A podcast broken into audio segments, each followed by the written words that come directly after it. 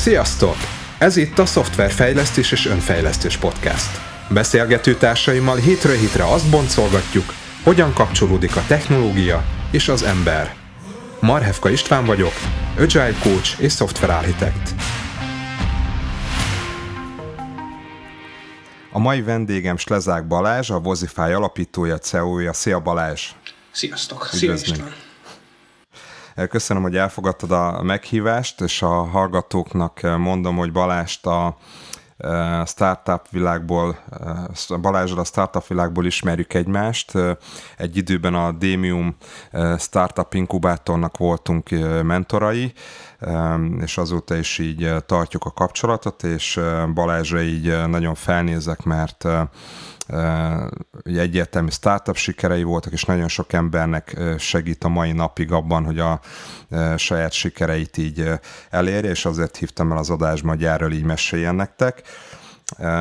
És Balázs, egy kicsit mesélj magadról, tudom, hogy te eredetileg szoftverfejlesztő voltál, ahogy, ahogy említettem, van az a saját céged, startup alapítókat is mentorálsz, például Founder Institute-nál, Founder Institute-nál, a Design Terminálban, illetve a High Ventures kockázati tőke alapnál.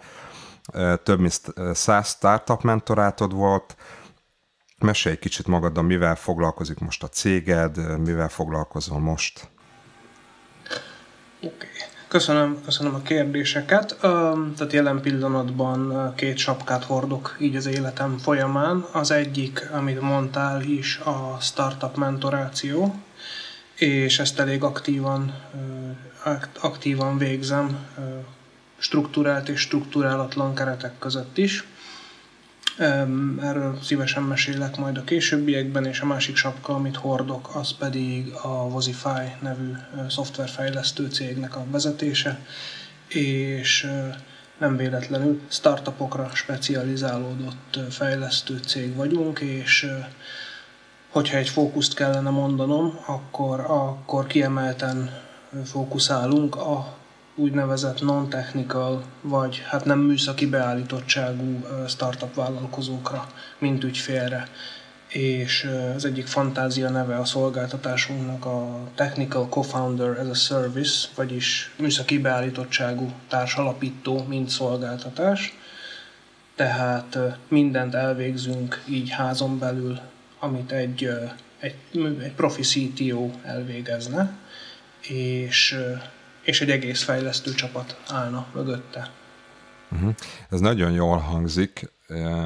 Tehát ha, ezt, ha jól értem, akkor ugye arról van szó, hogy van valakinek mondjuk egy üzleti vállalkozása, vállalkozás ötlete, de ő maga nem ért annyira az IT-hoz, akkor ugye megkeres titeket, és mint hogyha egy partnerségben dolgoznátok együtt, tehát nem egy nem a hagyományos kiszervezett szoftverfejlesztés, képesek vagytok is szoros együttműködésben számára megtalálni, hogy mi a legjobb technikai megoldás, és egy, egy ilyen partnerként kísérni őt ezen az úton. Így van, tehát hogy a mindent, ami a technológiával kapcsolatos döntéseket, illetve feladatokat levesszük a, uh-huh. az ügyfelünk válláról, és akkor jellemzően arra fog tudni fókuszálni, amiben ő a legjobb, ami ugye jellemzően a non-technical, amit egyébként úgy, szok, úgy szoktam mondani, hogy non-technical az egy eléggé mm, diszkriminatív kifejezés, és inkább azt szoktam mondani, hogy üzleti fókuszú alapító, és nem pedig nem műszaki. Tehát az üzleti fó- uh-huh. fókuszú uh, alapítók azok általában tényleg a termékre tudnak koncentrálni, arra, hogy uh, hogy ténylegesen értéket adjanak, és partnerségekre, értékesítésre, és nem pedig azon stresszeljenek, hogy oké, okay, az a cég, vagy az a szabadúszó, akinek ő kiszervezte a fejlesztést, az majd megcsinálja-e, vagy milyen minőségben csinálja meg. Ezt uh-huh. gondolom, hogy ez, ez nekünk egy ilyen unique selling propositionünk, hogy, hogyha szakkifejezésekkel dobálózunk, tehát egy egyedi értékajánlat, amit mi adunk az ügyfeleinknek. Uh-huh. Igen, mert ugye ez mindig probléma, hogyha valaki ugye az üzleti oldalról jön, és ugye szüksége lenne technológiai támogatás, akkor kit kér meg, hogy ebben őt támogassa, és hát hogyha nincs egy megfelelő bizalom, meg nincs egy megf- tehát megfelelő bizalom nélkül szerintem ezt nagyon nehéz csinálni, meg én hogy mi alapján döntöm el nem technikai emberként, hogy ki, kit bízzak meg, tehát honnan tudom, hogy jó kezekben van ez az egész dolog, és ti pont erre építettétek fel a szolgáltatást, hogy ti ezekkel a problémákkal tisztában vagytok, vagy ennek az egésznek a problématikájával, és hogy ti erre megoldást adtok. Ez, ez így van, és uh, itt, itt jön elő az, a, az az előny, amit mi tudunk nyújtani, hogy uh, hogy a mentoráció során szerzett szakmai tapasztalatomat, azt így nagyon sok szempontból át tudom adni az ügyfeleknek. Uh-huh. Tehát mi nagyon sokat segítünk nekik abban, hogy ténylegesen értéket teremtsenek, tehát nagyon erősen a, arra fókuszálunk, hogy hogy ugye a Value Proposition Design értékajánlattervezés metodológia használatával nehogy véletlenül valami olyasmit csináljanak, ami aztán végül senkinek nem fog kelleni, mert ugye a startup világban azt nem tudom mennyire ö, ismerik a hallgatók ezeket a statisztikákat, hogy a startupoknak a, a, a 90%-a legalább elbukik, és a nagyon nagy része közvetett vagy közvetlen módon azért bukik el, mert valami olyasmit építenek, amire senkinek semmi szüksége nincs. És ez egy szomorú, szomorú statisztika, és én személy szerint az egyik ilyen célkitűzésem vagy misszióm, hogy egyre kevesebb ilyen startup legyen, tehát legyen tesztelés, mhm. legyen validáció, ezeket nagyon erősen meg is Hát mm, erős szó, hogy megköveteljük az ügyfelünktől, ügyfeleinktől, de, de igazából nagyon erősen kényszerítjük őket, hogy uh-huh. teszteljenek, validáljanak. Uh-huh. Ez, ez, ahogy mondott, hogy ugye nagyon sok startup azért bukik el, mert olyat csinál, amit amire senkinek semmi szüksége nekem. Erről ugye az jut eszembe, hogy vannak a lelkes srácok, és akkor gyerünk, csináljunk valamit, és akkor ugye beleszerelmesednek a saját ötletükbe, és akkor ugye abból így nem képesek így kilépni a valóság felé. felé. Itt ugye ti esetetekben ugye arról van szó, hogy van valaki, akinek azért már van egy üzleti beágyazottsága, hiszen egy valamilyen üzleti területről érkezik, valamilyen doménismerete van. Hogy látod ezt, hogy ennek ellenére is ez ez egy jelentős probléma, hogy ismeri azt az üzleti területet, de mégis egy olyan nap próbálkozik, amire nincs szükség. Tehát erre ugyanúgy fel kell hívni neki a figyelmét, vagy, vagy, vagy érzik, és, és vagy érzékelhető-e az, hogy ő, mivel ilyen üzleti területről jön, eleve sokkal reálisabbak a, a, az ő elképzelései, mint mondjuk egy lelkes fiatalnak, aki startupperként világ uralomra tör. Szerintem ugyanakkor arányban figyelhető uh-huh. meg a lelkes egyetemista első vállalkozás, legelső vállalkozását alapító startupper között, meg a adott esetben 30 év szakmai tapasztalattal rendelkező uh-huh. tapasztalt üzletember között, aki ugyancsak nem alapított még vállalkozást, hanem mondjuk uh-huh. alkalmazottként dolgozott, ugyanakkor arányban ö, figyelhető uh-huh. meg ez, hogy ö, megpróbál, van egy ötlete, van egy ötlete, és azt elkezdi építeni. Jellemzően ugye az egyetemistának nincsen rá pénze, akinek meg mondjuk van 30 év tapasztalata, mondjuk multinál középvezetői pozícióig eljutott, akkor jellemzően azért van neki pénze, és akkor elkezd, elkezdik fejleszteni a terméket anélkül, hogy, hogy bármilyen validációt végeztek volna. Sajnos ez ugyanakkor arányban figyelhető meg. Én mentorként is, meg fejlesztő cégvezetőjeként is nagyon erősen próbálom őket, az ügyfeleket, meg mentoráltakat ebbe az irányba nyomni, hogy nagyon sokat teszteljenek, tehát inkább teszteljenek, teszteljenek hónapokig, és kutassák a piacot, beszéljenek az ügyfelekkel, vagy a potenciális ügyfelekkel, hogy egyáltalán van-e probléma tudata annak, aki, akinek ezt a bármit, amit akarnak készíteni, uh-huh. eladják. Tehát a legfontosabb, ugye van ez a háromszög, a probléma tudat, ugye a problem solution fit, meg a product market fit, amikor már a olyan terméket dobsz a piacra, amit a piacnak kell és kapkodják, és van-e még e fölött ugye a business model fit, hogy ezt ebből skálázható módon pénzt is, pénzt is tudsz csinálni, Na, az alapítók nagyon nagy része a problem solution fitig sem jut el, tehát valami olyasmit próbál csinálni, olyan, olyasmit próbál fejleszteni, amire nem csak, hogy nincs szüksége a piacnak, de hogy még így a probléma sem éri el a piac inger küszöbét, amit ez megoldana. És hát az a leg, legszomorúbb, hogyha az történik, hogy valaki évekig fejleszt valamit, adott esetben önerőből, és ö, ügyfél még nem látta a termékét. Uh-huh. És itt jön az, amit mondasz, hogy mondjuk akinek van 30 év szakmai tapasztalat, és van egy stabil egzisztenciája, felkér egy szoftverfejlesztő céget, hogy valósítsa meg az ötletét, de hát ugye ők azt várják, hogy mondja meg, hogy mi legyen, mit fejlesztenek le, és akkor hónapokig vagy évekig is akár tart egy ilyen fejlesztés, anélkül, hogy tulajdonképpen olyan dolog készülne, amire szükség van. Ti meg akkor ugye kondicionáljátok őket, hogy, hogy hát ez nem így működik, hanem először adja el a terméket, még akkor is, hogyha nem, nem létezik a, a szoftver, mondjuk ideális esetben, és akkor az már egy elég jó bizonyíték annak, hogy érdemes ezzel foglalkozni. Ez, ez így van. Nem mindenfajta terméknél meg lehet, lehet csinálni. Van ez egyébként ez a a fake door testnek hívják, hogy egy uh-huh. állajtó, tehát hogy valójában nem lehet még megvenni a terméket, de a, a potenciális vásárlókat el lehet uh, juttatni addig, amikor már a bankkártya adatait adná meg, és akkor kapja meg, hogy nincsen, uh, nincsen uh, még ez a termék meg, viszont elő, előrendelni lehet. Uh-huh. Na most ennek nyilván ezt lehet etikusan is csinálni, meg kevésbé etikusan is csinálni.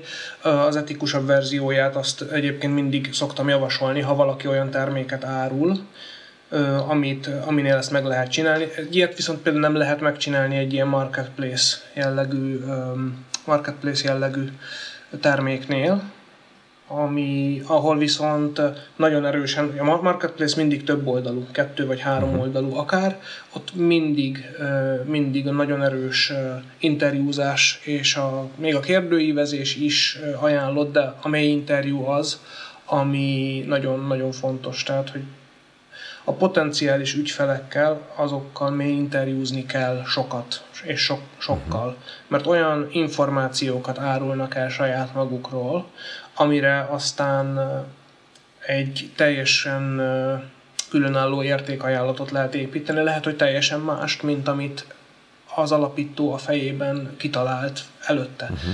Ezért nagyon fontos ez. És ezért szoktam javasolni, hogy inkább ö, csináljon tíz mély interjút, mint hogy töltesse ki száz emberrel a kérdőívét. Világos. Mert akkor az nyitott, vég, nyitott végű kérdéseket lehet feltenni, és ö, és abból ott lehet, ott lehet aranyat ásni. Tehát itt, itt szokás, ezt, ezt az analógiát szoktam ilyenkor mondani, hogy az olyan az aranyásás, az, a, ugye a value proposition design az olyan, mint az aranyásás, tehát hogy föl kell, föl kell térképezni a potenciális ügyfeleknek a fájdalompontjait, illetve a vágyait, és mély interjú nélkül ezeket soha nem fogja megtalálni az alapító.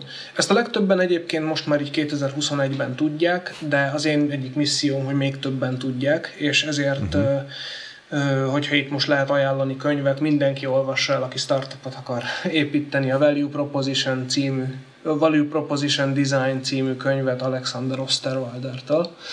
Mm, ez az egyik Ez az a széles formátumú könyv, ugye? Ez a... Igen, igen, igen. Uh-huh. És a akkor van benne az ügyfélprofil, amikor egy ilyen kis oldalra néző arcocska, arcocskába lehet beleírni a fájdalompontokat, meg a, a vágyakat, uh-huh. vagy a angolok géneket.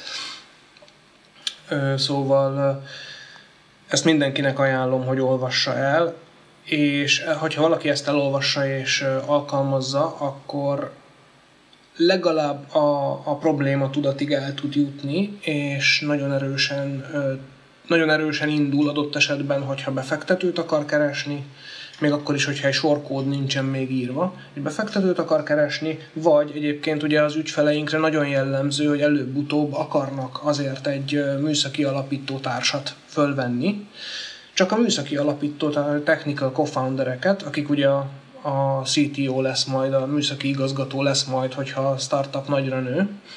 Csak a problematika az, hogy hogy amíg nincsen egy egészen erősen validált üzleti koncepció, addig nagyon nehéz lesz alapítótársakat is bevonni.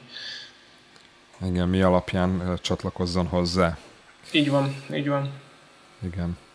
És visszatérve, a, köszi egyébként ezt a sok hasznos infót, és a, így, most így visszatérünk a magára a Bozify-ra, nagyon érdekelne az, hogy hogyan, vagy mikor tudtok bekapcsolódni a, egy ilyen ügyfélnek a, a támogatásába, mert ugye különböző pontok lehetnek, tehát rögtön a legelején megkeres, amikor kiesik a fejéből egy ötlet, van mondjuk már egy, egy nem tudom, egy, egy MVP szakasz, amikor már, vagy egy pont, amikor már mondjuk megtalált valamit, és akkor ezt szeretné mondjuk értő kezekre bízni, tehát hogy melyik az a pont, amiben és meddig viszitek ezt a folyamatot, tehát, hogy mondjuk ezt a kockázatos részét feditek le inkább, amíg nincs meg, vagy még billeg ez az egész, és akkor utána, amikor már mondjuk skálázni kell, akkor azt mondjuk más csinálj tovább, vagy azt is támogatjátok. Tehát hol, hol látod magatokat ebben a széles spektrumban?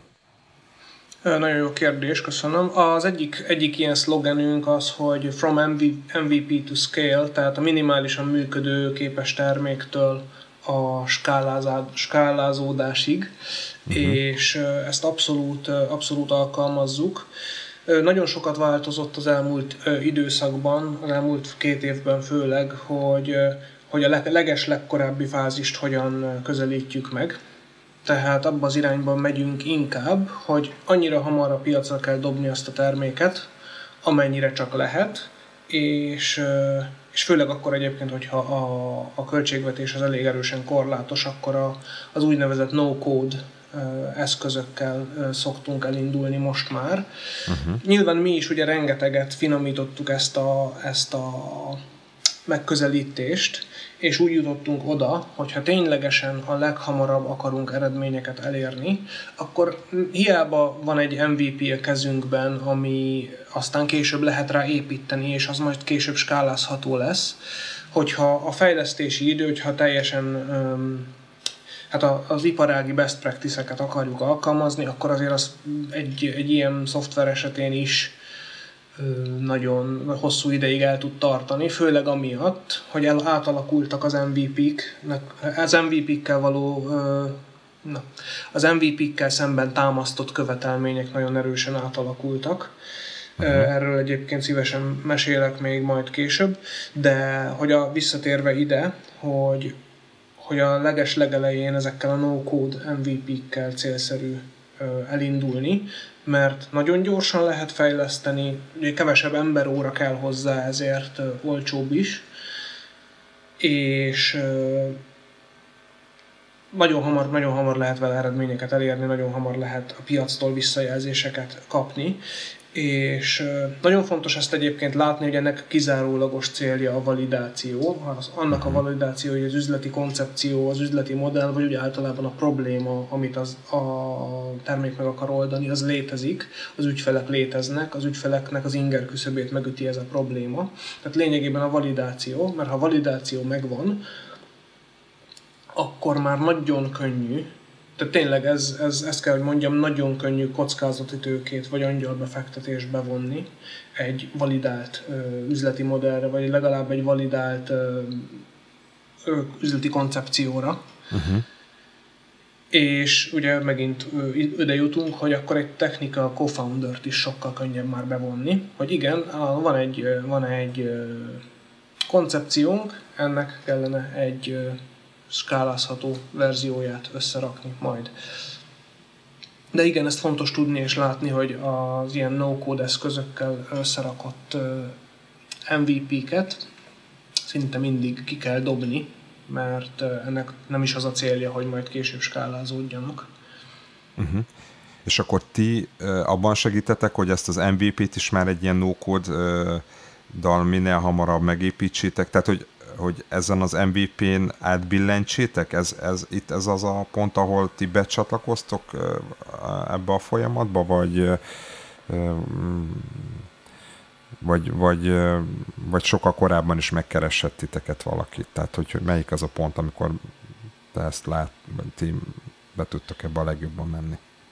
Jellemzően, mivel hogy ugye az egyik, másik sapkám a mentorság, ezért uh-huh. engem gyakran megkeresnek alapítók, akiknek van egy kis ötlete, amit szeretnének startuppá fejleszteni. Ez még ugye még a pre-seed előtti fázis, tehát még az ötletfázisnak az eleje, és én egyébként nagyon szívesen elbeszélgetek ilyen szempontból alapítókkal, és iránymutatást nyújtok nekik, hogy merre érdemes keresni, és uh-huh. próbálom um, ezt ha, súlykolni mindenkibe, hogy validáljanak, validáljanak, validáljanak, és um, Úgyhogy igen, ez, ez a fázis, ez, ez is megvan, itt ebben a fázisban is meg lehet uh-huh. keresni minket, vagy engem. Ezt valószínűleg szeretném majd a későbbiekben valahogyan kicsit jobban skálázni, olyan szempontból uh-huh. saját magamat nyilván nem tudom skálázni, de az én fejemben lévő tapasztalatot azt le lehet írni, le lehet, nem tudom, lehet belőle könyvet írni, vagy adott esetben valami tanfolyamot, ami Igen. ugye a termékpiramisnak az alja ilyen szempontból lehet, uh-huh. de Igen. most jelen pillanatban nincsen ez skálázva, és és én vagyok az, aki ebben tud segíteni, és ezt meg is teszem nagyon szívesen. És amikor már abban a fázisban van a, az ügyfél, hogy már hajlandó adott esetben pénzt is áldozni arra, hogy itt valaki valami terméke legyen, abban a fázisban tudjuk elkezdeni az MVP építést. Uh-huh. Jellemzően ugye ezekkel a no-code eszközökkel. Uh-huh. Itt és is akkor azért elég erősen megmarad a te mentoring szereped ezen a, itt az elején, tehát azért hiába jön egy termékötlet, hogy ezt kéne megcsinálni, srácok, meg fogod kérdezni, de miért, meg... Pontosan. Tehát, hogy itt azért visszatér a, a régi sapka. Így van. Aha.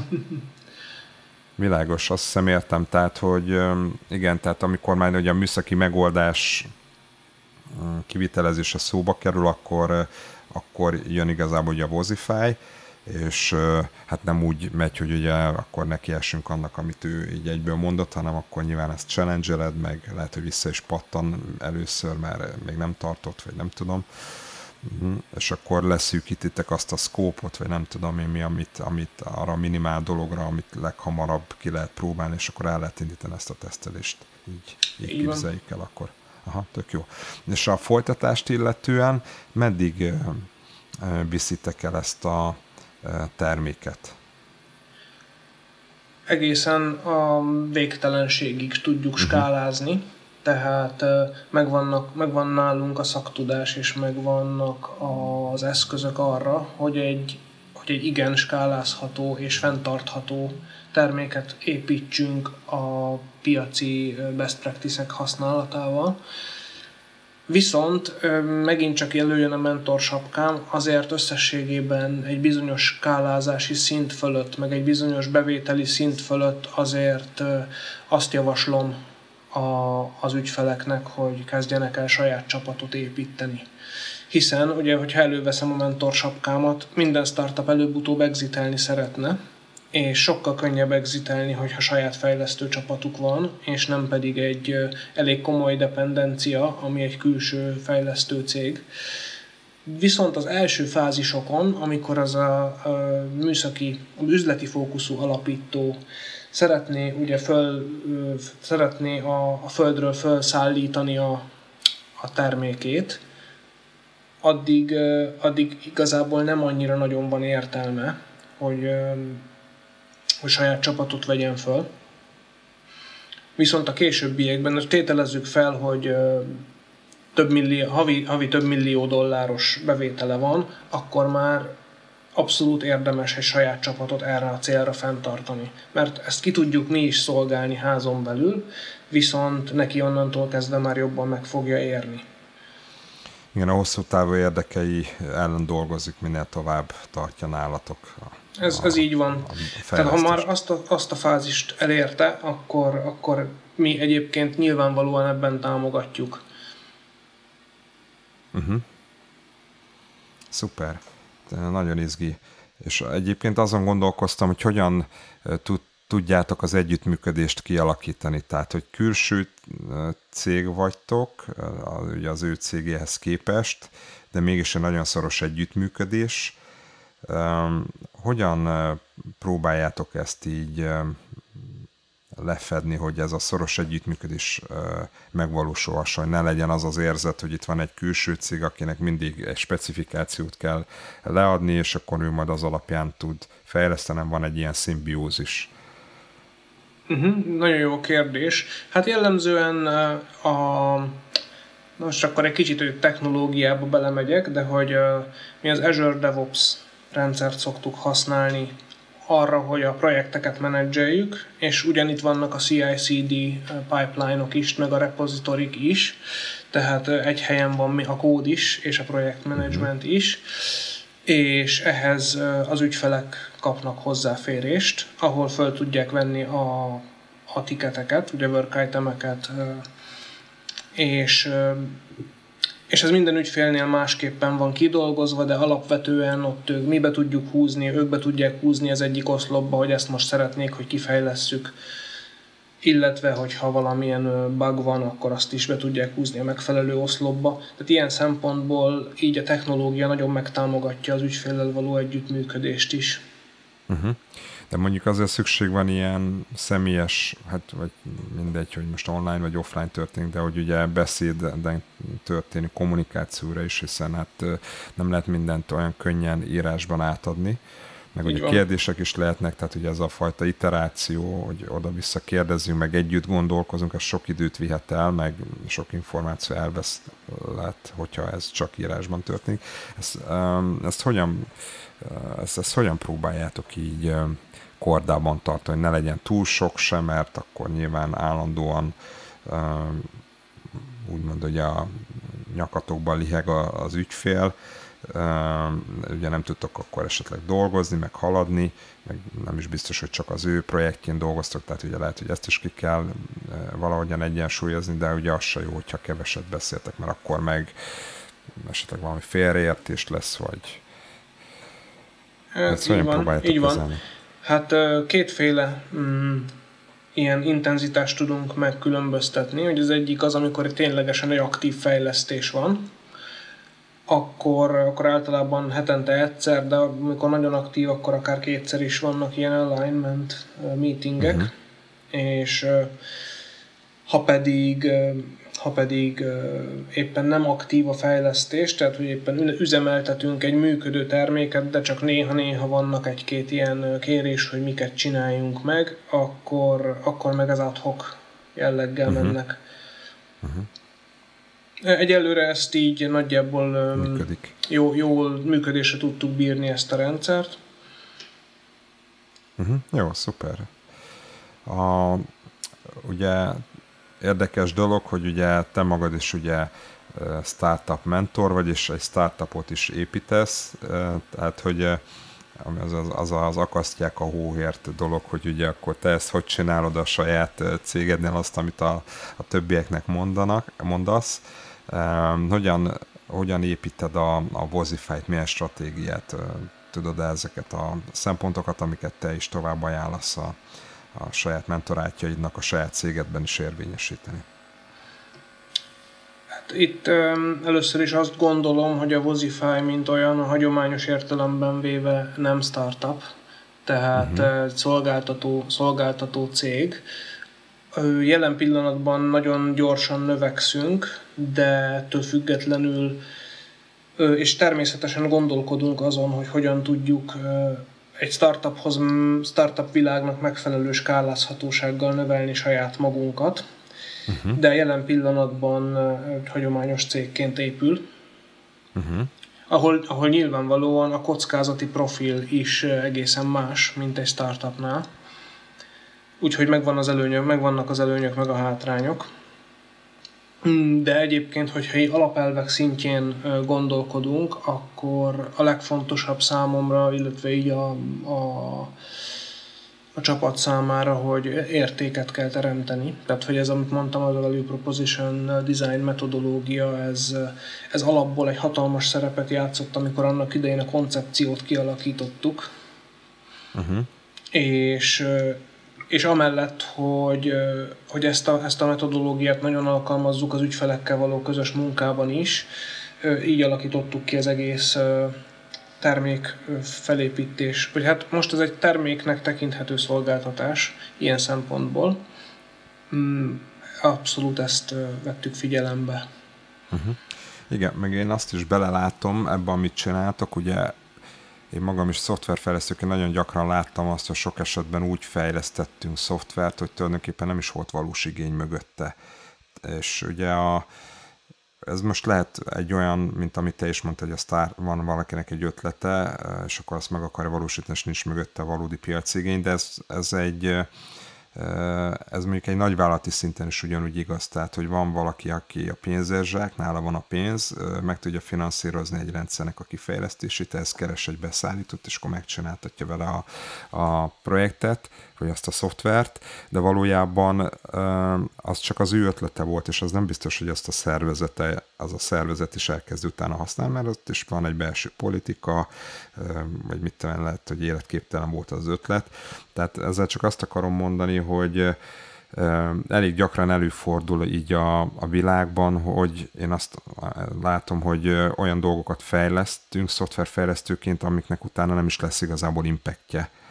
És amit ti csináltok, azáltal, hogy ti, vagy hát ugye te mentorként ugye támogatod a, az ügyfeleidet abban, hogy értéket teremtsenek az ő ügyfeleiknek, ebbe kapcsolódtok be ti is. Tehát, hogyha ő értéket teremt, akkor ti is értéket tudtok teremteni számára, és végül ami ez a szoftverfejlesztésben, amit említettem, hogy nagyon sokszor olyanon dolgozunk, aminek nincs is értelme, csak fiatalként még ezt nem látjuk át, az itt tulajdonképpen így ennek a minimalizálására törekedtek ezzel a, ezzel a fajta modellel, tehát hogy ez így tök, tök jól hangzik, tehát így bezárul ez a hurok, vagy nem tudom, tehát ugye azt a, azt a helyes működést, ezt a pozitív működést erősíti az Abszolút. üzleti modelletek.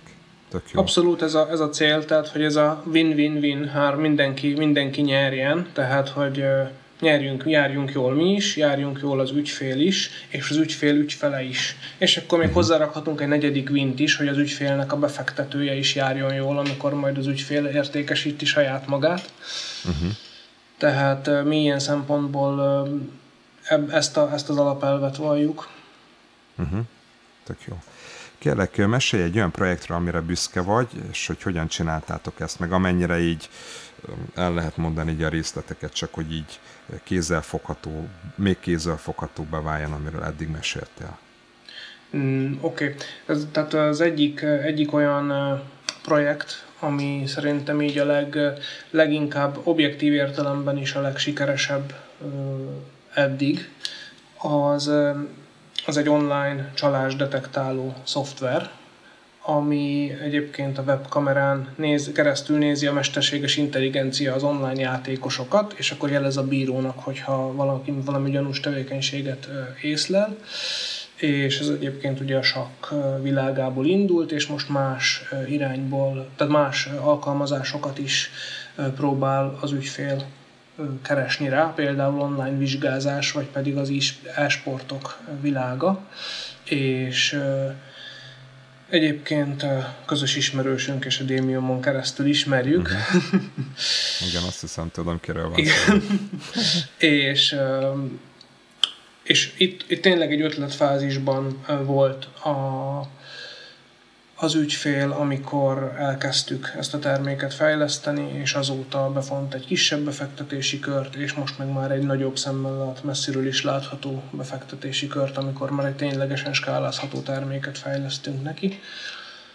Úgyhogy azt gondolnám, hogy ilyen irányba szeretnénk minél több projektet elvinni a leges legelejétől a egészen a skálázódásig.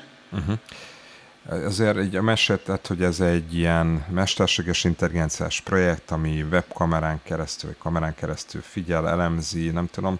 Tehát ez azért nem egy, vagy én nem vagyok egy mesterséges intelligencia semmilyen látás vagy szakértő, de nekem ez nem tűnik egy ilyen standard problémának.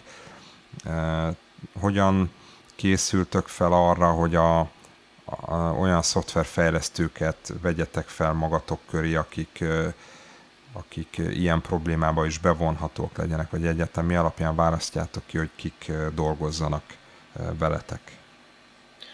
Hát a belső csapatunk az nagyon sokoldalú, és uh-huh. így nagyon olyasmi egy kicsit, mint egy svájci bicska. Uh-huh. Tehát ezek, ezek abszolút, abszolút így építettük föl a, a core teamet, és hogyha valamilyen nagyon nis jellegű problémára vagy alkalmazásra van szükségünk, akkor, akkor bevonunk, bevonunk külsős fejlesztőket. Az a szerencse, hogy hatalmas network van nekem. Ez egy mhm. óriási szerencsém van ebből a szempontból, hogy sokat éltem külföldön, meg nemzetközi diák szervezetekben is aktív voltam, és ezért külföldön és belföldön nagyon sok sok fejlesztőt ismerek, akiknek az egész networkét tudom sokszor használni ilyen uh-huh. szempontból. És, és ugye networkön belül mind, szinte mindig volt olyan olyan ember, akit, a specialista, akit lehet valamilyen nagyon speciális dologra befogni, de szinte mindent meg tudunk oldani mm, házon belül. Uh-huh. Tök jó. A szoft, hogyha a szoftverfejlesztőt vesztek fel, akkor hogyan zajlik egy ilyen interjú folyamat, mit szoktatok nézni? Hát jelenleg ez eléggé egyszerű módon működik, tehát kétkörös az interjú, és az első kör az egy ilyen bemutatkozó jellegű kör, akkor kölcsönös szimpátia és az ilyen első benyomások alapján mm, szűrjük ki a jelentkezőket, és ugye a második körös interjú az pedig az meg egy nagyon kemény szakmai szűrő interjú, ahol az adott technológiára való nagyon specifikus kérdéseket, meg ilyen megoldandó problémákat kap a, a jelentkező. Uh-huh. És egyébként meg mindig a puding próbálja az evés, tehát elkezdünk együtt dolgozni, és és meglátjuk, hogy hogy dolgozik együtt a csapattal az illető. Uh-huh. Hát igen, ez azért több helyen visszaigazolódott, hogy ez nagyon fontos, és inkább ez, ebben legyen egy gyors ilyen teszt, ugye, hogy te is mondtad, egy ilyen validáció, hogy ez minden hamarabb kiderülhessen, mert akármilyen lehet egy felvételi folyamat, de igen, utána a valóság ez megint egy más, hogy ki hogyan dolgozik csapatban, meg hát nyomás, meg nem tudom, tehát hogyan bírja, hogyan bírja a remote kultúrát. Ugye uh-huh. nálunk teljesen remote first volt az építkezés. Már uh-huh. a Covid előtt is így építkeztünk, tehát hogy az országban is több helyen vannak a, van, a, van a csapat, és most meg a Covid, de emiatt ugye a magára a cégnek a működésére nem nagyon hatott a Covid, mert nem volt iroda, ahova, ahova mindenki minden nap bejár Uh-huh. Úgyhogy ilyen szempontból, ilyen szempontból ez is egy nagyon fontos kérdés, hogy ki mennyire bírja a távmunkát. Vannak olyan emberek, akik nagyon jól bírják, sőt, csak ezt szeretnék, és vannak olyan emberek, akik meg igényük, lételemük, hogy ott legyenek az irodába, és akkor, amikor elmennek az irodából, akkor, akkor le tudják zárni aznapra a munkát. Nálunk most jelenleg úgy kell olyan, olyan csapattagokra van szükségünk ebben a konkrét helyzetben, hogy bírja és tudjon önállóan dolgozni remote környezetben is. Uh-huh. Egyébként tisztában vagyunk a realitásokkal, hogy egy nagyon, a piacnak egy nagyon nagy részéről le kell mondanunk, hogyha csak, csak olyan emberekkel akarunk dolgozni, akik nem tudnak remote-ban, vagy nem tudnak nem akarnak. Nem akarnak, irodába. így van. Úgyhogy, úgyhogy ez a közeljövőben tervezve van, hogy rendesen irodát is fogunk fenntartani. Egészen uh-huh. eddig, egészen eddig ugye nem volt rá szükség, de ez, és akkor megtehetjük azt, hogy mindenkinek a saját döntése lesz, hogy irodában dolgozik-e, vagy pedig otthonról, vagy bárhonnan. Uh-huh. És akkor, akkor rögtön a poolnak egy nagyobb részét tudjuk elérni. Világos. Tök jó. A, ugye mondtad, hogy ugye remote first a kultúra, és most még ebben is vagytok benne, hogyan tudjátok fejleszteni a szoftverfejlesztőket a cégen belül, tehát hogyan, hogyan biztosítja a cég a fejlődési lehetőséget a, a benne dolgozók számára.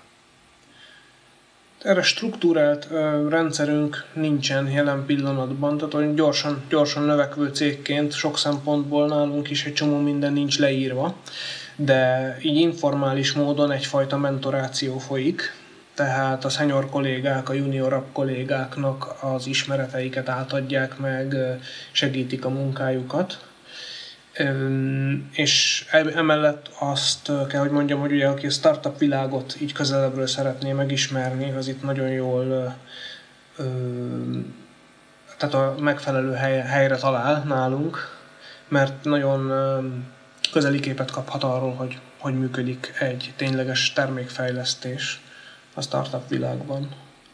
Uh-huh. Egyébként így a kollégáknak a fejlesztését, az, az emberek fejlesztését, a humán, a humán fejlesztést, azt szeretnénk egyre inkább struktúrált keretekbe, keretek közé rakni, de ez most kialakítás alatt van, tehát hogy ez is egy igen fontos faktor, ugye az employer uh-huh. branding szempontjából, igen, hogy igen, ténylegesen mit tudunk nyújtani, a, amit adott esetben más helyen nem kaphatnak meg a kollégák.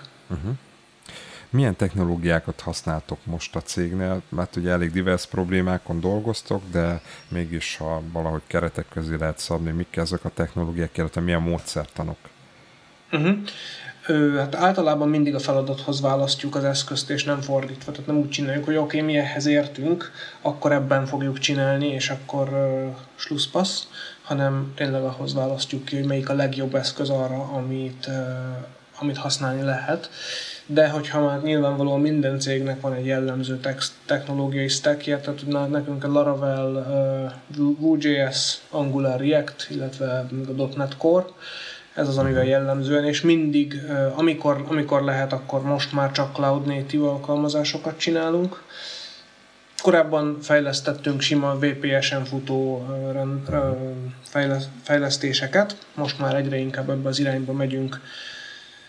Mert És AWS-en? AWS meg Azure Cloud. Uh-huh jellemzően ez, ezt a kettőt szoktuk használni. Az Azure Cloud adja magát, mert az Azure DevOps-t használjuk a, a uh-huh. projektmanagementre, meg a repozitorikat ott tároljuk, meg a Continuous Integration is ott fut. Viszont van, amire az AWS tényleg funkcionálisan jobb. Uh-huh. Világos.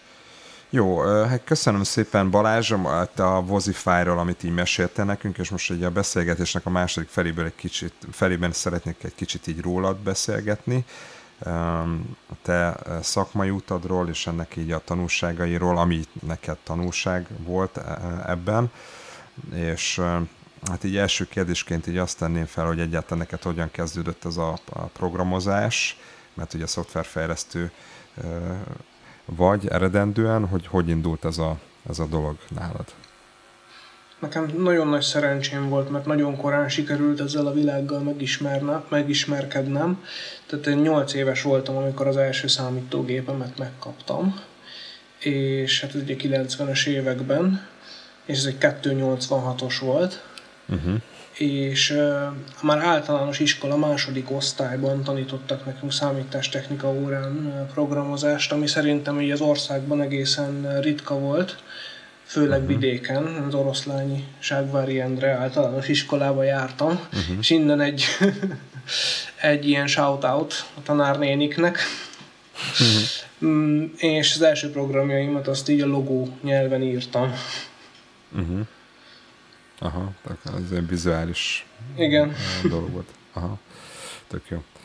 A, a szakmai karrierednek mik voltak a főbb állomásai? Hogyan, tehát mondta, 8 éves korodban elkezdődött, és aztán hogyan folytatódott? A szakmai karrieremet azt a, még az egyetem alatt a Ramasoftnál kezdtem el, és itt sajátítottam el a a szakma alapjait, ugye a szoftverfejlesztési szakma tényleges iparági alapjait. Tehát amit ugye az egyetemen tanul az ember, az nagyon sokban különbözik attól, ami a valóságban történik. Uh-huh.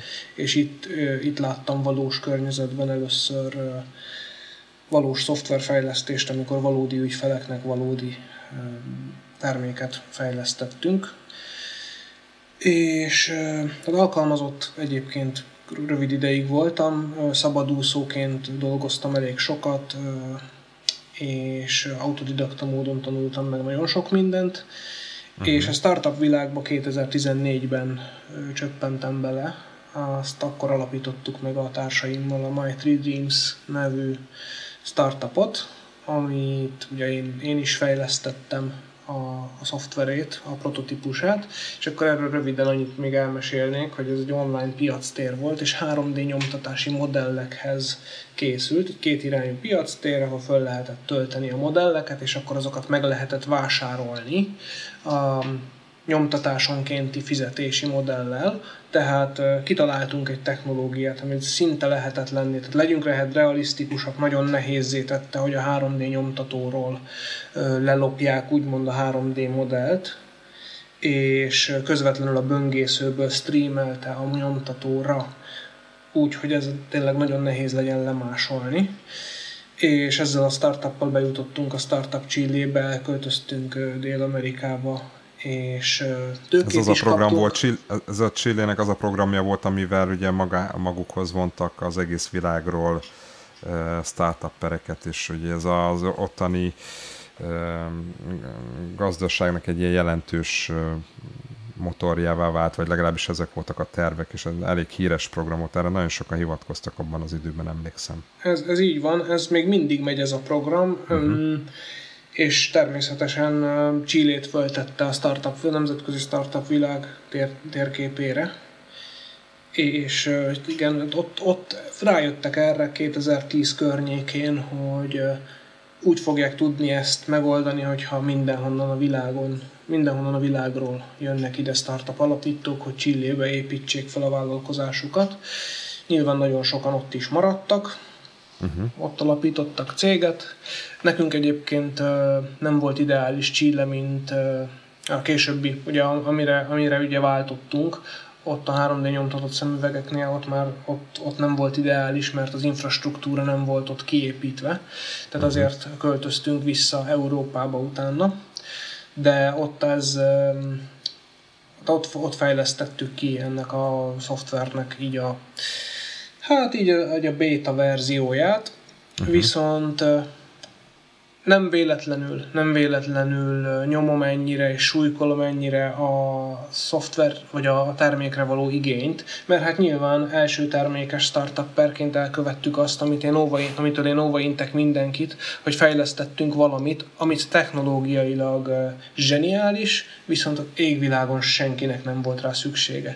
Tehát, hogy mi, mi előre, előre láttuk azt, majd ugye 2014-ben előre láttuk azt, hogy majd 5 éven belül minden minden sarkon lesz egy 3D nyomtató szalon, és mondjuk 10 éven belül meg minden háztartásban lesz saját 3D nyomtató, és akkor viszont, hogyha ez a vízió, ez a jövőkép előáll, akkor hatalmas üzlet lett volna ez a piactér, akkor mindenki tervezhet bármit, amit az emberek otthon kinyomtathatnak, és akkor sokkal olcsóbb egy, lett volna egy eltörött porszívócsőnek a 3D nyomtatása otthon, mint uh, megvenni a, megvenni a, hogy mondják azt, a alkatrészt.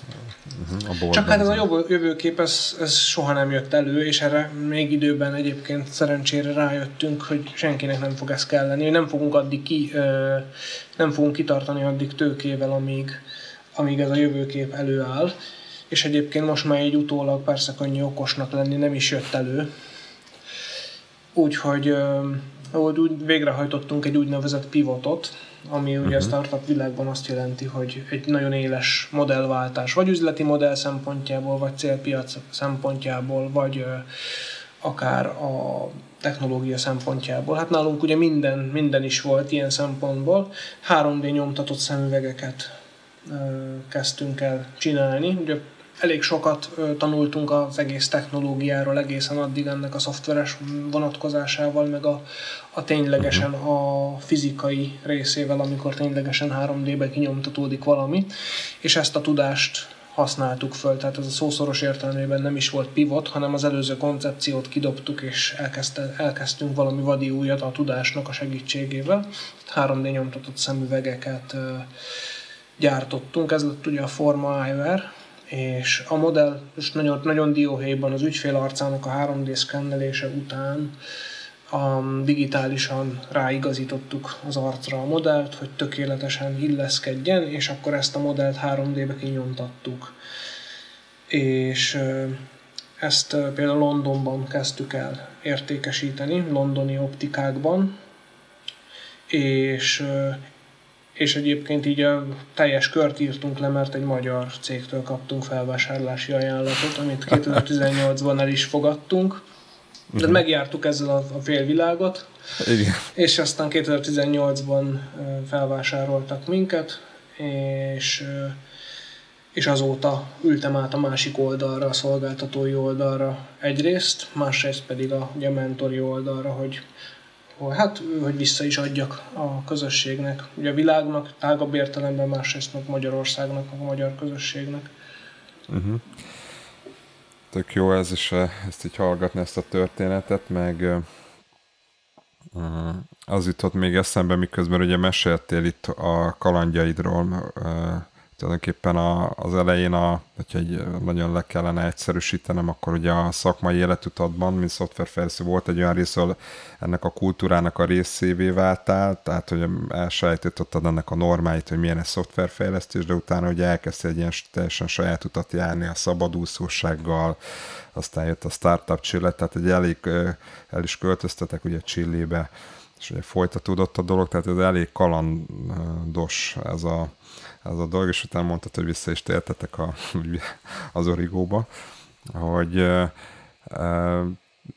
mennyire látod ezt a kaland vágyat azokon, akik, akiket mentorálsz, azért ez egy nagyfokú rugalmasságot igényel, hogy mondjuk valaki egy ilyenbe bele vágjon egy ilyen útba. Lehet-e úgy sikert építeni, hogy valakiben nincs ekkora kalandvágy, vagy de hogy látod ezt a, ezt a kérdést? Szerintem a kalandvágy több, több irányból meg lehet fogni. Nekem uh-huh. mind a kettő meg volt, tehát hogy én fiatalabb koromban rengeteget autóstoppoltam is. Uh-huh. Európában is, fél Európát sikerült autóstoppal félig bejárni, ugye a diák szervezeti időkben. Hát amikor a pénz az nagyon szűkös volt, idő meg sokkal több. Uh-huh. Úgyhogy de és szerintem egyik sem kizáró oka a másiknak, tehát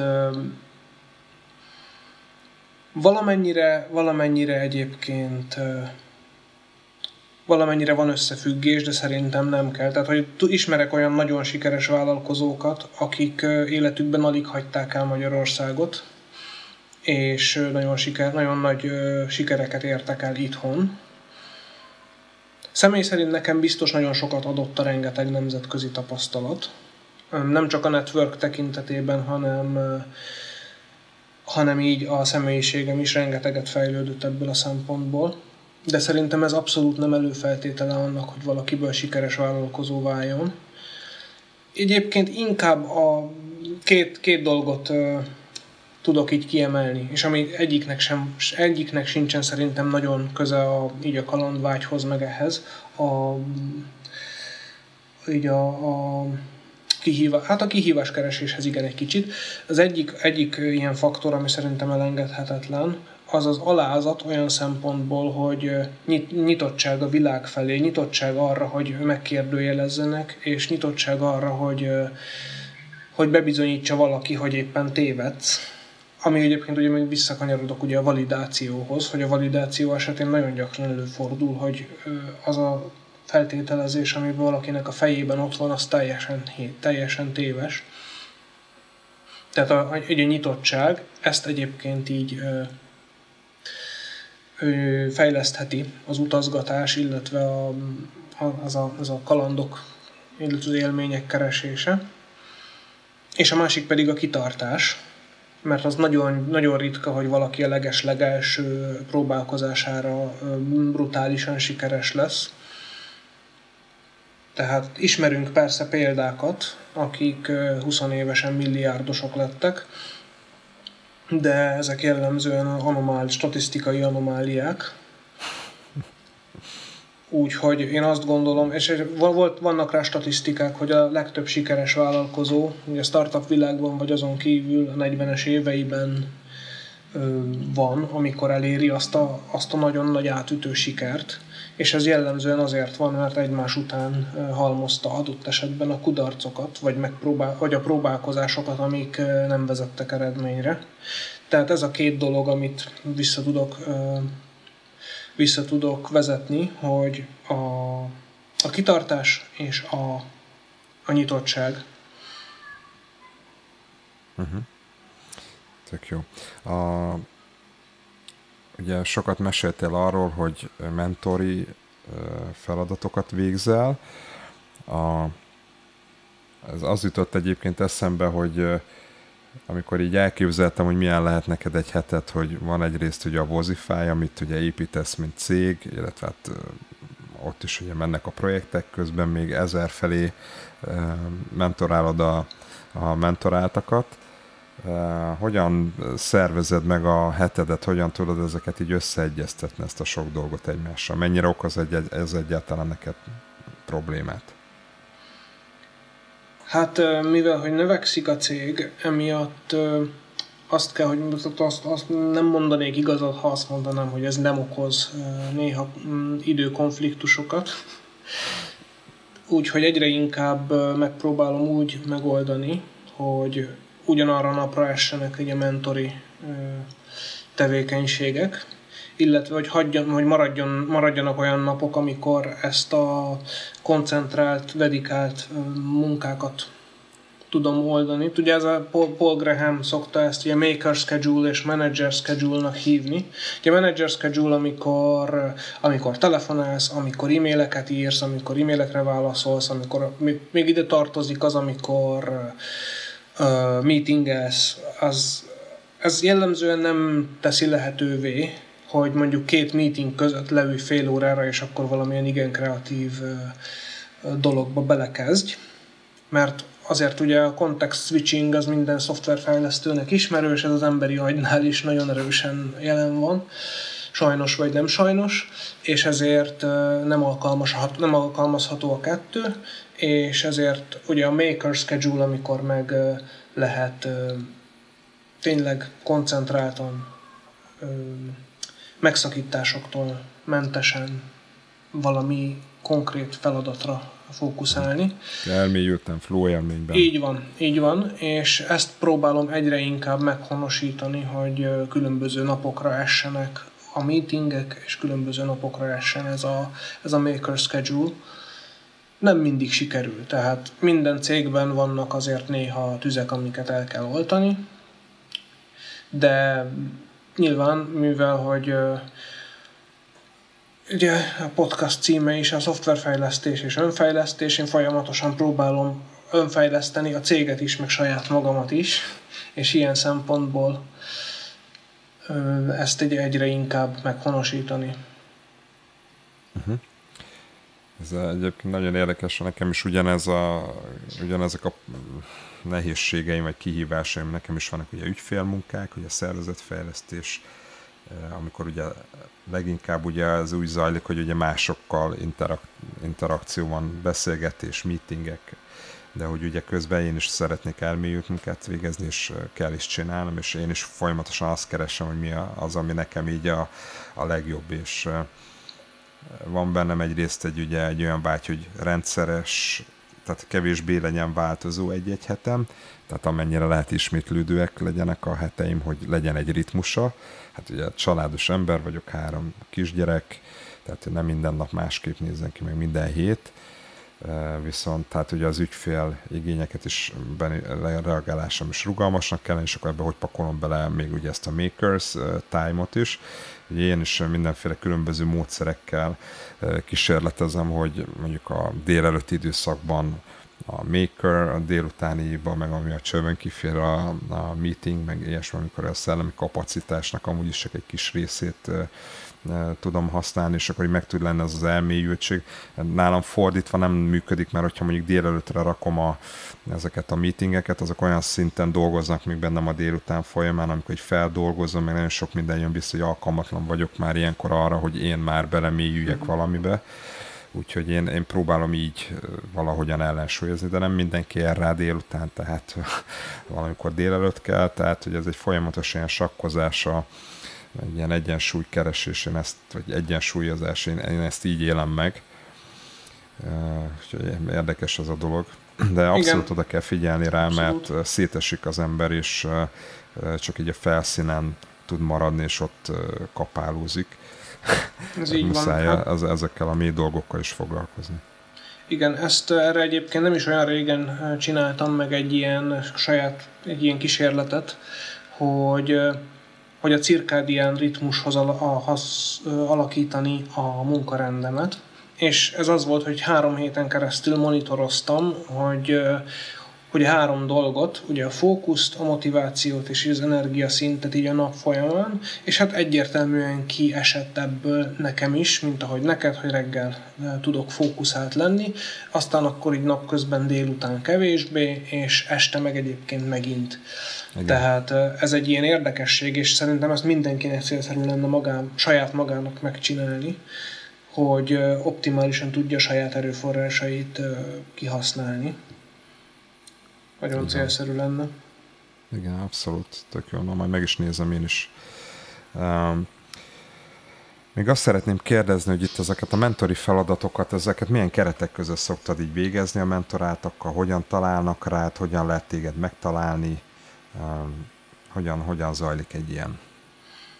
Jellemzően ugye a struktúrált mentorációk veszik el a ugye az ilyen mentori kapacitásaim jelentősebb részét, tehát például, hogyha a design terminált mondom, minden egyes csapat kap egy dedikált mentort, ezek, ez lehetek én is, és akkor aki a program teljes időtartama alatt támogatom az elejétől a végéig, itt ugye három hónap, három hónapos a program, és itt úgy van, hogy a többi csapat is, is fordulhat a mentorokhoz adott esetben bizonyos témákkal. Ugye egy design terminálnál minden mentornak van valamilyen specialitása, és akkor azzal a többi csapat is fordulhat hozzá. Egyébként a High Ventures is olyan, hogy dedikált ö, csapat van, akit aztán az egész inkubációs folyamat során, ami ugye 9 hónap végig kíséri a mentor. És akkor van egy másfajta, teljesen másfajta ö, arrangement, a Founder Institute-nál úgy van, hogy fogadóórák vannak, ugye office hours, amikor a csapatok bejelentkezhetnek, és akkor segítséget tudnak kérni, és ilyen volt a Démium is, amíg meg, meg nem szűnt a budapesti chapter. Úgyhogy ilyen, ilyen módon működhet, és akkor vannak ezek a rendezvények, amiket egyébként nagyon szeretek, amikor, amikor ugye ilyen startup fesztiválok, vagy startup konferenciák, és akkor ilyen villammentorálások vannak itt, és akkor van egy tök ismeretlen csapat, akinek van neki van egy fél órája, hogy kihozza a mentorból a maximumot, és pár percben bemutatkozik, és utána előad egy konkrétan egy problémás helyzetet, vagy kérdést, amit aztán együtt megoldunk, vagy leginkább az van, hogy el tudom őket irány, indítani a megfelelő irányba, hogy hol merre fele keresgéljék ennek a problémának a megoldását. Ezeket nagyon szeretem, nagyon hamar lehet, nagyon nagy, úgy, úgy hiszem, hogy nagyon rövid idő alatt tudok nagyon sok értéket adni ezeknek a csapatoknak. Tehát ilyen például a Design Terminálnál van ez a Power Camp, ami egy kiválasztó uh-huh. rendezvényként is szolgál. Ugye Finnországban szokott évente megrendeződni a Ship Festival, ugye volt a, a Covid elindulása folytán a Hack the Crisis Finland, és ugye van egy magyar szervezés is, ez volt a Restart 2020, amit a magyar uh-huh. Pozit.io szervezésében került megrendezésre, és nagyon-nagyon szeretem ezeket is, amikor nagyon rövid idő alatt van lehetőség valami problémával szembesülni és megoldani. Úgyhogy ez, uh-huh. én azt gondolom, hogy ez nekem is egyébként nagyon sokat ad, hogy, hogy így, így látok nagyon sokféle startupot és problémát, amit aztán ugye a saját ügyfeleinknek is tudunk, tudok érvényesíteni ezeket a tapasztalatokat. Uh-huh. Igen, erre így még nem is gondoltam abszolút, tehát hogy ezek a rengeteg emberrel vagy így kapcsolatban, tehát hogy így tulajdonképpen érzed ezt az egész uh, érát, és mindenről ami így jön, bármilyen új ötlet, vagy elképzelés az hozzád is eljut, és hogy ezeket ugye vissza tudod csatornázni, meg hát te magad is a saját bizniszbe is be tudod építeni, hogyha olyan. Igen. Szoktál-e még programozni? Nem jellemző, de volt, a példa, volt rá példa közé, na, nem jellemző, de közelmúltban volt már rá példa, hogy például a kolléga vagy túlterhelt volt más feladatokkal, vagy éppen szabadságon volt, és akkor átvettem egy feladatát, vagy egy-kettőt, és akkor megírtam pár sor kódot. Alapvetően így cégként abba az irányba megyünk, hogy erre egyre kevésbé legyen szükség. De alapvetően egyébként így, amikor éppen benne vagyok, akkor nagyon élvezem, és akkor ezt így uh-huh. flow élményt tud nyújtani de hogyha most azt veszem, és azt veszem alapul, hogy a cég működése, a cégnek a fejlődése a fő cél, akkor ezeket nyilvánvalóan vissza célszerű szorítani. Hobbiból nem szoktam programozni már. Tehát régen, régen igen, azért hobbiból most már nem. Tehát, hogyha programozom, akkor, akkor az konkrétan ügyfélprojekten, hogyha szükség van rá, akkor, uh-huh. akkor belenyúlok a kódba. Értem. Említetted többször ugye az itthoni startup világot, hogyan látod a a magyar startup világnak a helyzetét, mi történik éppen, milyen irányba tart. Említette például az MVP-t is, hogy átalakult, nem biztos, hogy ez a magyar startuphoz kapcsolódik, de most így eszembe jutott, hogy itt még volt egy ígéretet, hogy szívesen elmondod. Uh-huh. Ezt lehet, hogy akkor egy kicsit, akkor először az MVP-ről uh-huh. mondanék pár szót, hogy hogyan alakult át. Tehát a, az MVP-nek a koncepciója az nyilván már nagyon régi, tehát hogy az egész Lean metodológia kapcsán ö, jött elő, de hogy ugye 2000-es, 2000-es évek elején indult be ez a mai értelemben vett startup világ, Nyilván ezelőtt is voltak startupok, csak nem feltétlenül hívták így, és Magyarországra ugye 2000-es években jött be. Tehát, hogy akkoriban az MVP-nek egyetlen egy célja volt, hogy funkcionálisan működőképes legyen, és teljesen mindegy, hogy csúnya az a termék, teljesen mindegy, hogy a felhasználó élmény borzasztó, a, teljesen mindegy, hogy adott esetben security, eh, biztonsági szempontból ö, tele van lyukakkal, ö, nem volt gond, és ez Amerikában is ugyanígy volt, és Magyarországon is, és most már, mivel hogy annyira sok a startup világban meg, meg, magát megmérni, megmérettetni akaró vállalkozó, hogy ez most már nem elég, hanem most van erre egy szakkifejezés, az MLP, MLP, Minimum Lovable Product, tehát minim, minimálisan szerethető termék, és ez a ilyen háromszögként szokták ezt mutatni, valaki Google képkeresővel rákeres, akkor rögtön látni fogja, hogy mire, mire akarok kiukadni, hogy egy piramis, ahol az alján van a funkcionalitás, fölötte a megbízhatóság, fölötte a felhasználói élmény, és fölötte a design, és a régi MVP az csak a funkcionalitásból szakított ki egy kis szeletet, és az összes effort, összes erőfeszítés a funkcionalitásra ment, és most az új metodológia, vagy inkább nézőpont szerint az MLP az pedig mindegyikből egy kicsi szeletet kiszorít.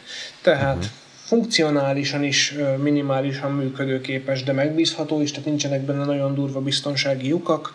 Felhasználói élmény is úgy van megtervezve, hogy azért ne legyen nagyon borzasztó használni, és a design is szép. Tehát a grafikára is nagyon kell már az első iterációkban is figyelni, mert annyira erős a piaci verseny, hogy egy csúnya termékről azt fogják gondolni, hogy ez valószínűleg rossz, és nem, és nem fogja elérni azt az inger küszöböt a piacon, mint amit egyébként egyébként el tudna érni a koncepció alapján.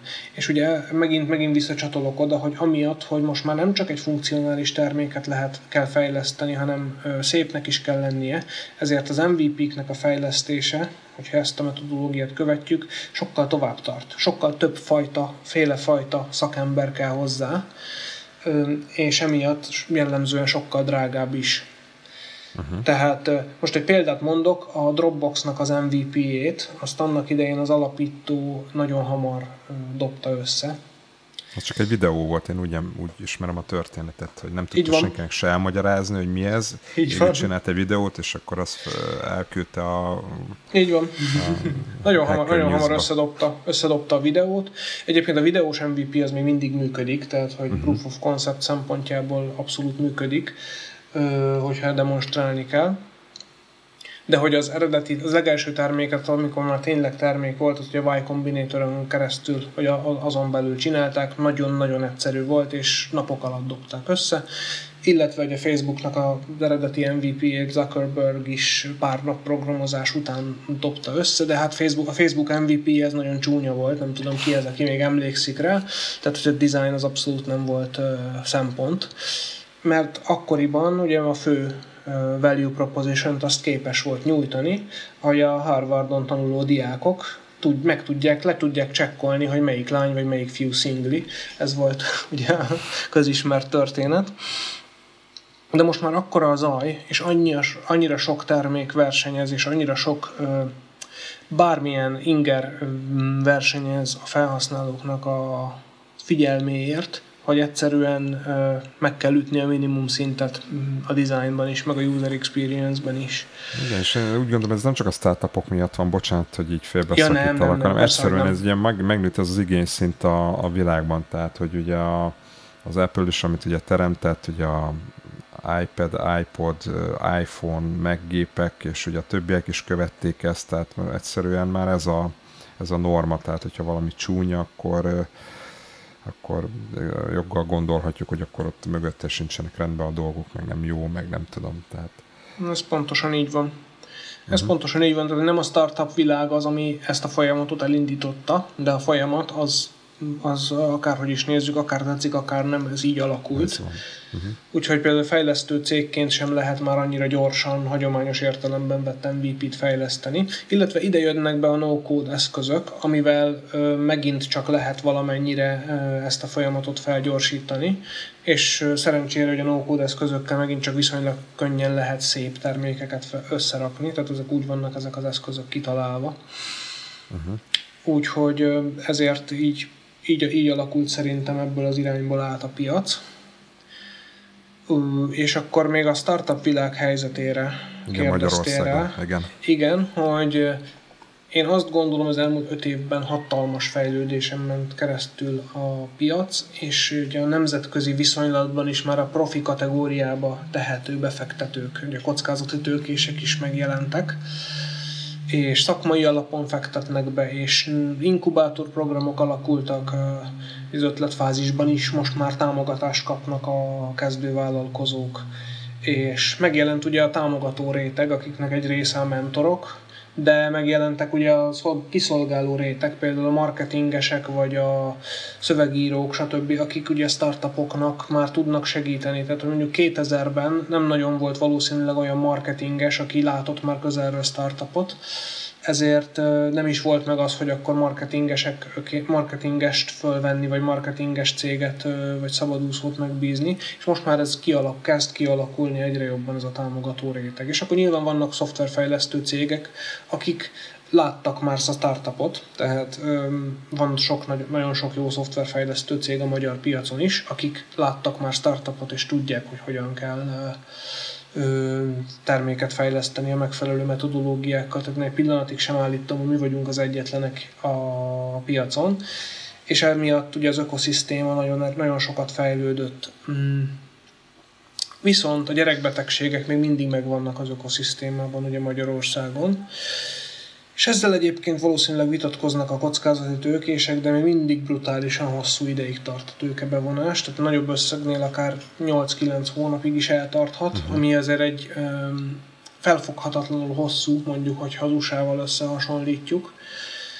Um, a, nyilvánvalóan a a másik oldalon ülők, a kockázati tőkések pedig ragaszkodnak hozzá, hogy már pedig ez nem hosszú, mert ez kell, hogy ilyen hosszú legyen, és az ő, ő igaz, ő nekik is igazuk van. Viszont ez nagyon erőt, 8-9 hónap alatt egy, egy cég mellett egy gyorsan növekvő iparágban elmegy a piac.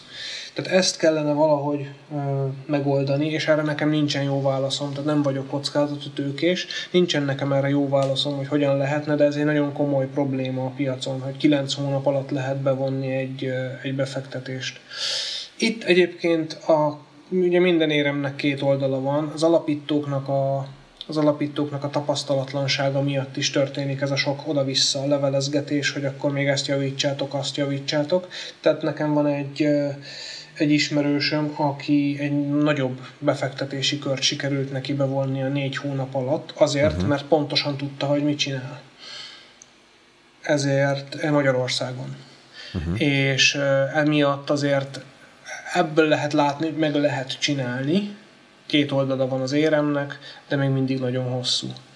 És a másik, a másik nagyon nagy probléma, ami még mindig, ami ellen én egyébként küzdök, és már csak ez jön, csapból is ez folyik, vagy hát én, én tőlem csapból is ez folyik, hogy a validáció hiánya, tehát nagyon sok alapító továbbra is úgy megy előre, és akkor erre azt szoktam mondani, úgy megy előre, mint a ló a viccben, aki nem vak, csak bátor.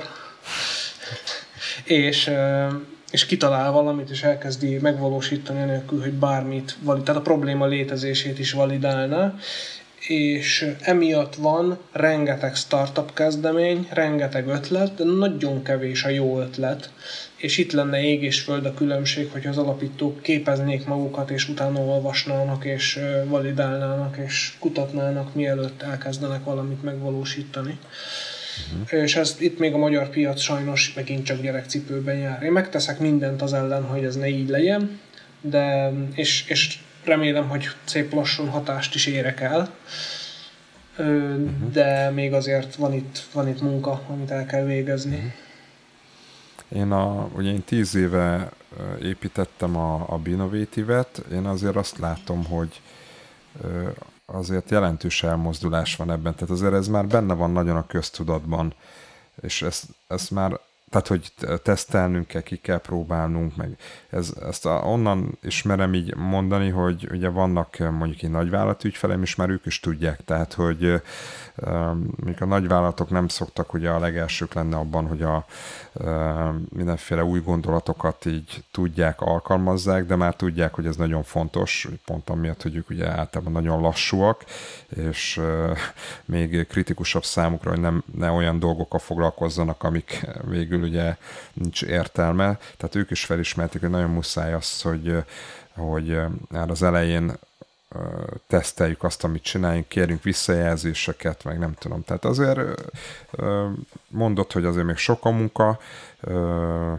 de mondtad azt is, hogy ez sok a fejlődés, én is úgy látom, hogy alapvetően azért így kezd így a fejekbe ez úgy beültetődni. Nekem is volt Abszolút egyébként olyan megkeresés. Persze. Igen, tehát nekem is volt a megkeresésem, hogy egy, egy ötlet szinten lévő dologba támogassam, támogassam annak a fejlődését, de mondtam nekik, hogy figyeljetek, hát ezt nem lehet ezzel a szemlettel, nincs olyan ügyfeletek, tehát hogy így először ügyfelet kéne szerezni, tehát hogy ebbe az irányba kell elindulni, ne építsetek hónapokig valamit, amiről, vagy évekig, amiről nem tudjátok, hogy mi van. Tehát ezzel kell foglalkozni. Ez egy hagyományos megközelítésű üzletember volt, aki ugye nem, nem tudta, hogy hogy kell ezt csinálni. Tehát biztos, hogy sokan vannak még ilyenek, de szerintem tök szépen halad. Tehát, hogy meg ez a, ez a startup világ most már én azt látom, hogy már nem csak így a, ennek a startup világnak fontos, vagy a startup világ foglalkozik vele, hanem azért ez így már így benne van a köztudatban, tehát ugye a kormányzati szektor számára is, vagy kormányzat számára is fontos, ugye tévéműsorok vannak, amik ezt népszerűsítik, újságokban van erről szó, tehát azért szerintem itt társadalmilag is a, amit így a startup világ alkalmaz, gondol, az, azok egy beszivárognak így a, a gondolkozásba.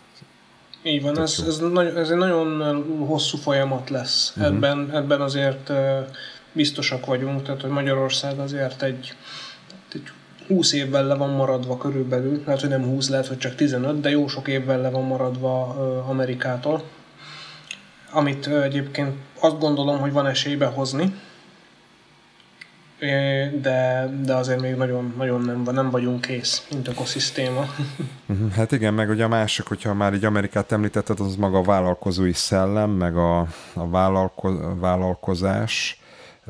Ennek azért szerintem Magyarországon még nincsen, nincs úgy meggyökerez, vagy bele, vagy nincs meg úgy a gyökere, hogy, hogy tényleg vállalkozzunk, és vállalkozni jó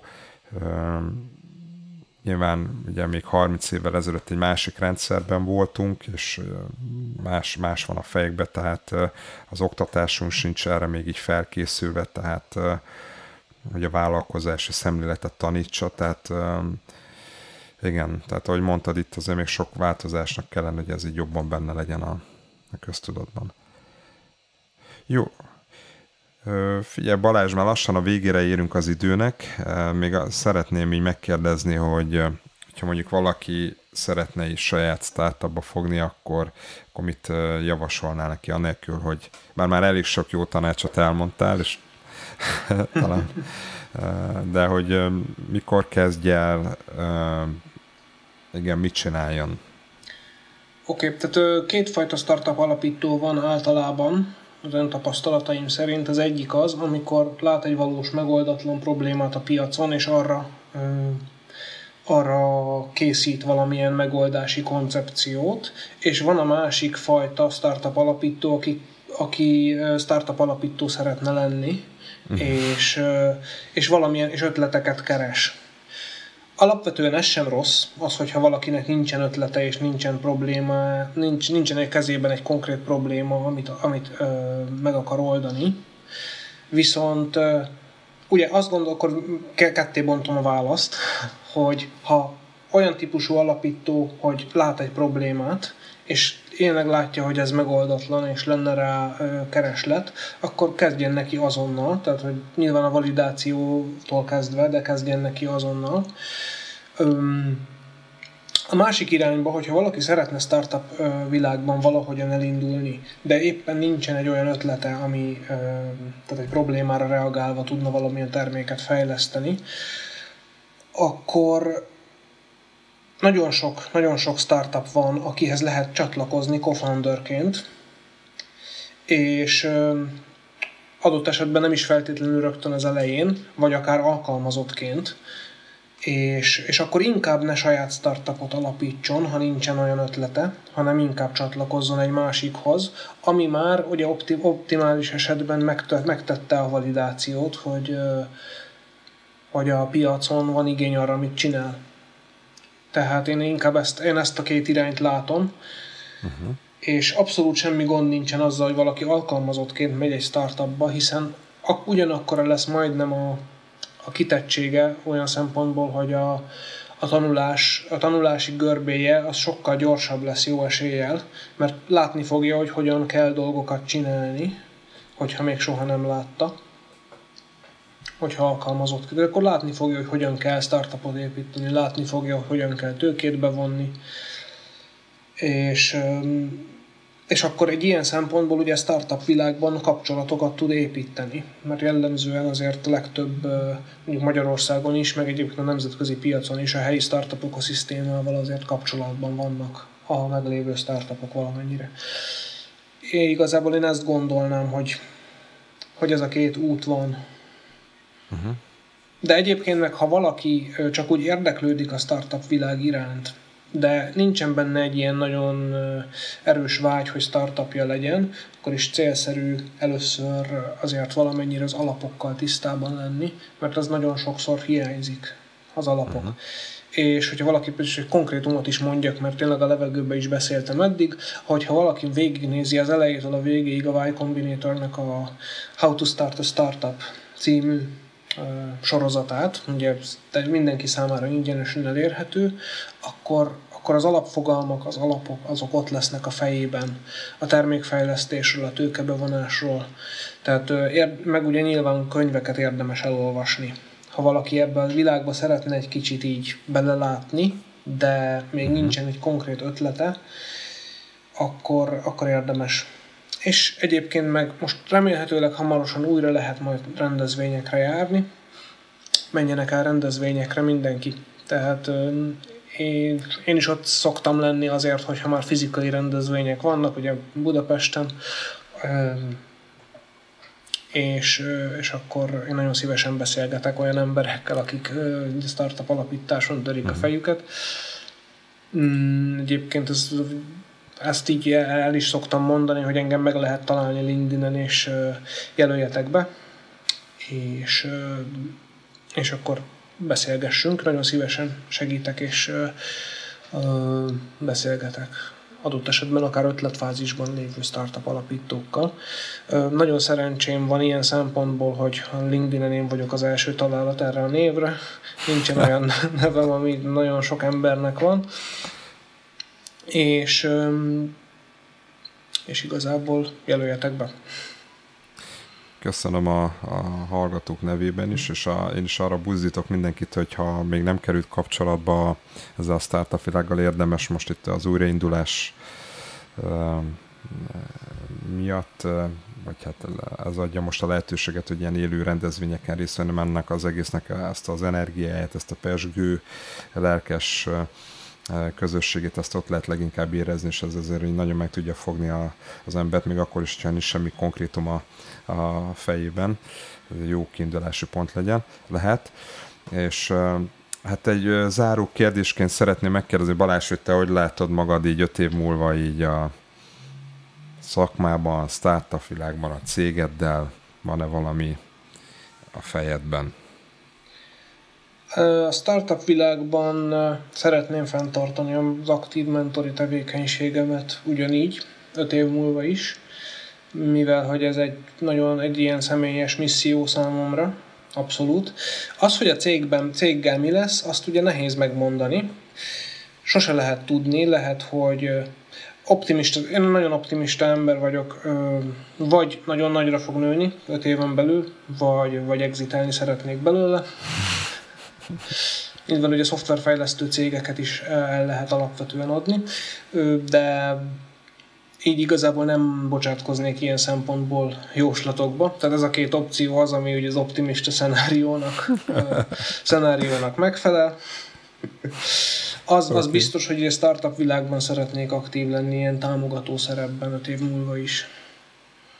Oké, okay, köszönöm szépen Balázs, hogy itt voltál velünk rendelkezésre álltál, és hogy ezt a sok jó tanácsot így elmondtad nekünk, és sok sikert kívánunk neked, és a, és a mentorátjaidnak, akikkel együtt dolgozom, meg az ügyfeleidnek is, és jó munkát kívánok neked, a csapatnak, és minden jót.